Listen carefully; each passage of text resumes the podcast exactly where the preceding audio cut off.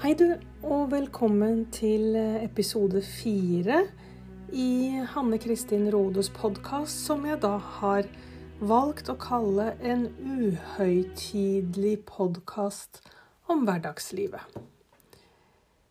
Det betyr at det er stort sett uh, små pludrerier som danner grunnlaget for denne podkasten.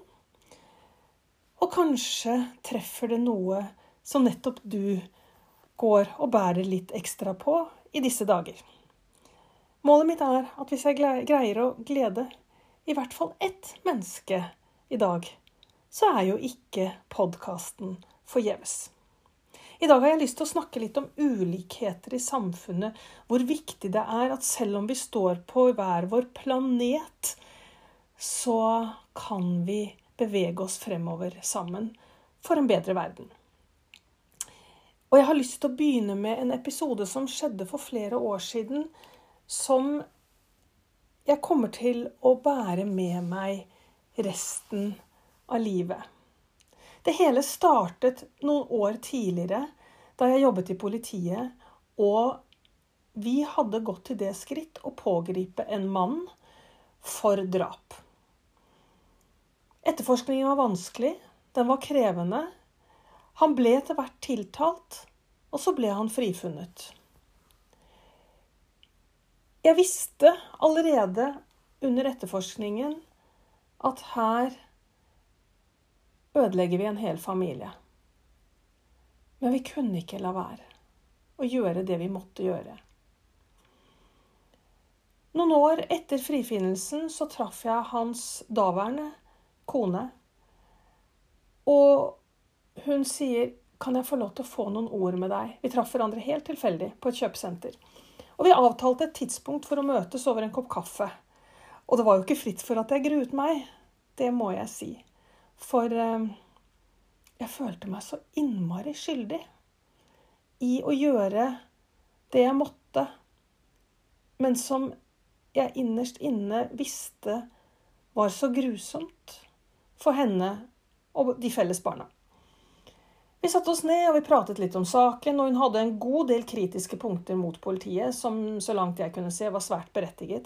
Men så kom det store spørsmålet, da hun lente seg litt nærmere meg og så på meg, og så sa hun, 'Jeg må få spørre deg om noe'. 'Ja', sier jeg. Og så spør hun, 'Tror du fortsatt at han er skyldig. Og min indre dialog, den tok helt av. Og jeg tenkte, hva skal jeg svare nå? Hva i all verden skal jeg svare? Og heldigvis så hadde jeg vett og forstand til å lytte til min sjel og min indre dialog, som begge to ropte ut Du skal aldri, aldri lyve for denne kvinnen. Så jeg beholdt øyekontakten, og jeg så på henne. Og så sa jeg etter en liten stund ja, jeg tror det var han som gjorde det.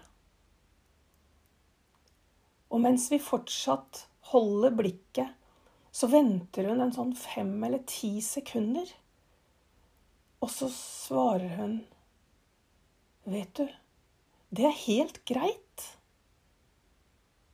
Jeg tror han er uskyldig, men det er helt greit at du mener det motsatte. Og dette tror jeg er et av de sterkeste øyeblikkene jeg har opplevd. Og fra det sekundet hun eh, stilte spørsmålet, til vi var ved hennes svar, så startet et helt ekstraordinært vennskap. Og i dag tror jeg at jeg kan si at hun er en av de viktigste personene for min sjel og i mitt liv. Vi ses ikke ofte. Det er ikke det det handler om. Men hun traff noe som er viktigere enn det overfladiske. Dette er et veldig tydelig eksempel på ulikheter. Både ved at jeg var politi, og hun var da pårørende til en som ble siktet og tiltalt i en dramatisk situasjon. Hvor barna led og hun led, og det var i det hele tatt uutholdelig. Men vi greide altså å komme videre og se framover sammen. Det er jo fryktelig mange episoder i livet, er det ikke det, du, hvor vi føler at noe er så ulikt at vi går helst rundt det. Vi går gjerne i stor bue utenom, for vi orker ikke å forholde oss til det. I hvert fall er det sånn for meg. Men så har du hverdagsepisodene også, da. Jeg har to sønner som nå er voksne menn. Men han eldste, han var en veldig grei liten kar på mange måter. Han godtok det meste. Han smilte, han ville ha mammanuss. Og jeg kunne legge frem egentlig hva det var av klær. Det praktiske som han skulle ha på i barnehagen. Han tok det på og hadde fokus på helt andre ting. Så kom nummer to. Syv år etterpå. Fra han greide å ha en bevissthet omkring at det er ulikt mønster på Pampers up and go, så var krigen i gang. Jeg husker at jeg hadde lagt fram en bleie etter at han skulle vaske seg. Og han fikk fullstendig anfall, for det var ikke den bleien han hadde ha. Og noen få øyeblikk senere så lå alle pampersene utover badet, og han satt og kikket på hvilken bleie han ville ha på. Og det var et svare strev hver eneste morgen. Alt var gærent. Genseren var gæren, sokkene var gærne, tannbørsten om kvelden eller om morgenen. Vått rettene, det var ikke de han ville ha, som jeg hadde lagt fram. Og jeg tenkte, hva gjør jeg nå? Jeg begynte å grue meg til hver morgen og hver middag hver kveld, og det skal man jo ikke gjøre med sitt eget barn. Helt til jeg skjønte at jeg kan legge frem to av hvert. To tannbørster, to par sokker, to langbukser, to gensere, to pampers. Og så kunne han velge. Og du verden for en solstråle jeg hadde med bort til barnehagen. Så ulike er vi. Og de, mange av dere har sikkert fått med at jeg har to katter. Én pusinne og én landstryker. Pusinnen er, eh, går egentlig rundt på høye hæler bestandig. Hun er en ihuga feminist, hun er husets dronning, og hun vil bli kost når hun vil bli kost. Om så jeg er midt i et manus og langt inn i tanken, og hun vil sitte på det tastaturet, så sitter hun der til jeg begynner å klø henne, og da klør jeg så lenge det passer henne. Og så har vi lille landstryker som kom til oss i eh, oktober 2019. Som kan ligge på fanget i ti minutter og se meg dypt i øynene og bare være med meg.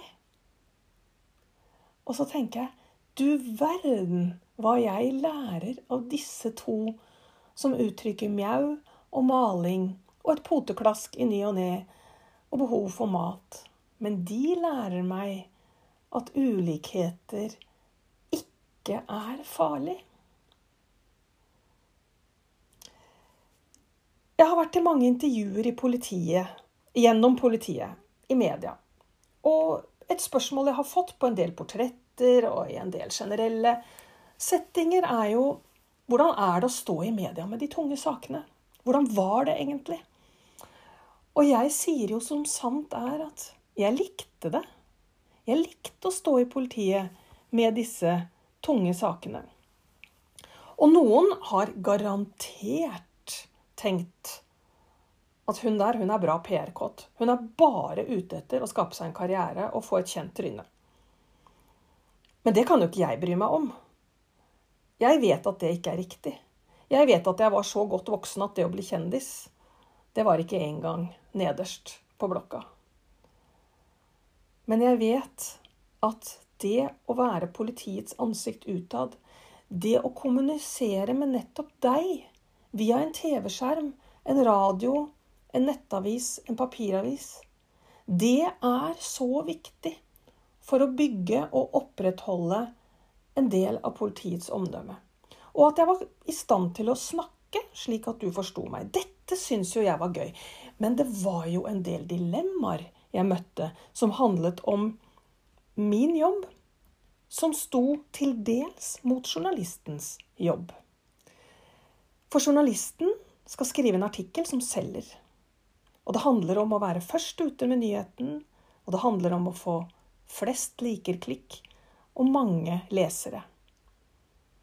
For meg handlet det om at jeg aldri, aldri måtte si noe som skadet eller vanskeliggjorde etterforskningen. Og til det måtte jeg jo snakke med både jurist på saken, etterforskere, førstebetjenter, og få vite hva trenger jeg å vite før jeg går ned nå og snakker om media. Og noen ganger så ville jeg ikke vite alt, for da kunne jeg heller ikke få snakke med. Men så hadde jeg i flere år en uh, sjef som sa til meg Hanne Kristin, du må aldri, aldri stole på en journalist. Og jeg så på ham og sa, 'Hva er det du sier? Det er klart jeg må det.' Nei, jeg pålegger deg å ikke stole på en journalist. De vil alltid falle deg i ryggen. Og jeg forsto der og da at han og jeg, vi var så forskjellige i måten vi så verden på. Og det var til dels komplisert. Jeg er helt sikker på at han en dag i dag syns jeg var en av de vanskeligste medarbeiderne, men det er ikke viktig, for vi var begge på jobb for en trygg hovedstad. Og det at vi hadde det formelle der felles, det gjorde det jo enklere. Men vi hadde jo Eller jeg opplevde mange ganger at en journalist ringte meg og sa 'Nå vet vi det og det og det. Kan du bekrefte?' Og jeg husker i et par drapssaker hvor journalisten som ringte, hadde veldig delikate opplysninger fra åstedet eller funnstedet, hvor det handlet om så spesifikke opplysninger at det kun kunne være gjerningspersonen eller personene som visste akkurat dette. Da ville det være total krise om dette ble skrevet i avisen før vi hadde en pågripelse, og før vedkommende hadde fått avgitt en forklaring til politiet. Og da er vi ved kjernen av det som for meg ble viktig. For til tross for at journalisten og jeg ikke hadde spesielt sammenfallende interesser, så hadde vi tilstrekkelig sammenfallende interesser i å få en viss grad av informasjon ut, fordi politiet i de aller fleste tilfeller er veldig avhengig av nettopp deg, av publikum som kan ha sett eller hørt noe som kan bringe saken videre. Og da jeg lå på sofaen hjemme og hvilte etter en usedvanlig lang dag, og vi sto midt i en heftig sak, og telefonen ringte, og jeg får nettopp den Vi vet at Og det var så spesifikke detaljer at håret strittet, og jeg visste at det er krise hvis dette kommer ut. Da har jeg to alternativer. Alternativ A, så kan jeg si vel, jeg kan verken bekrefte eller avkrefte. Hvis du velger å skrive det, så er det, slik jeg ser det, en ren spekulasjon. Og hvis jeg går ut med noe annet i morgen, så får det jo det, avisen din ta dette på sin egen kappe. Eh, om man da vil fremstå som litt dumme og unøyaktige. Eller B. Jeg kunne si du har helt rett, men du kan ikke skrive det. I det siste tilfellet så går jeg til en viss grad utover taushetsplikten. Jeg setter etterforskningen i fare. Hele strukturen som mye av samfunnet er bygd på, blir shaka. Men det som avgjorde valget mitt, var om jeg kjente journalisten fra før, og om vi hadde eh, bygget en historie som hadde gitt oss en eller annen form for relasjon og tillit. Og i begge de tilfellene jeg husker akkurat nå, mens jeg sitter her og snakker med deg, så valgte jeg alternativ B og si ja. Det er helt riktig det du sier. Men dere kan ikke skrive det. Og så var det så spesifikke opplysninger at jeg kunne si det er ingen andre som har ringt meg om dette. Jeg lover at den dagen vi kan gå ut med det, så skal du få forspranget. Og noen ganger hadde vi noen ekstra runder med redaksjonene, men det gikk aldri feil. Jeg vet ikke om jeg er noen spesiell menneskekjenner, egentlig. Men jeg tror, med bakgrunn av det jeg vet om meg selv i dag, at jeg brukte en miks av erfaring og sjelsvisdom. Jeg satte det sammen og kjente på hvor ligger tilliten, og hva er den bygget på? Og dette syns jeg er veldig spennende. At det går an å, sette relasjon og tillit foran struktur og oppnå et enda bedre resultat. For det er jo det vi vil, ikke sant? Så igjen så erfarte jeg gang på gang, i mindre alvorlige saker og i større saker, at ulikhetene, de bringer oss framover. Hvis vi tør å stole på hverandre, gå utenfor strukturen. Det er også veldig viktig for meg at vi alle skal ta hensyn til den vi er. Jeg er veldig glad i Kjell Aukrust og Ludvig og Solan og bror min og hele pakka, men Ludvig ligger jo mange av oss nær da, når han tøffer rundt med ryggsekken sin og disse store øynene og uttrykker at det er farlig, det. Eh, det er jo slett ikke alltid han har rett i akkurat det, men oppi den ryggsekken ligger alle hans erfaringer, tenker jeg. Og vi mennesker, vi er jo på mange måter vandrende romaner, alle sammen. Og her oppi vår ryggsekk så ligger gode opplevelser og mindre gode opplevelser. Og så ligger det en del hjernestøy som vi drasser med oss, som vi ikke har ryddet i. Og ville det ikke være deilig å tømme den ryggsekken for noe av det vi absolutt ikke trenger, sånn at det blir lettere for deg å gå videre. Hva er det som er faktiske belastninger som du må leve med, og hva er ideer som vi lager? Masse kaotiske ideer om hva som andre mente, og om hva som kanskje kan komme til å skje, men som kanskje aldri skjer. Det er jo det vi trenger å sortere ut. Det er i hvert fall det som gir meg usedvanlig nytte. Og roe ned hjernen og greie å identifisere at nå er jeg fullstendig på tur i forhold til å lage mange teorier og ideer om de ulikhetene jeg ser, de jeg tror er farlige, og som viser seg at jeg faktisk isteden kan hilse på, nikke til og gå videre med. Akkurat som jeg gjorde med denne kvinnen som ga meg av sin sjels visdom. I disse dager så er det dramatisk hva som har skjedd i USA med drapet på eh, den svarte mannen, George, og hvite menns horrible framferd. Det er så stygt drap. Det er sikkert mange stygge drap som jeg ikke har sett, og som jeg ikke har hørt om. Men ikke la det bli poenget. Poenget er at enhver burde skjønt at den mannen ble drept langsomt. Men det jeg har lyst til å trekke fram, er ikke ulikheten mellom svart og hvit.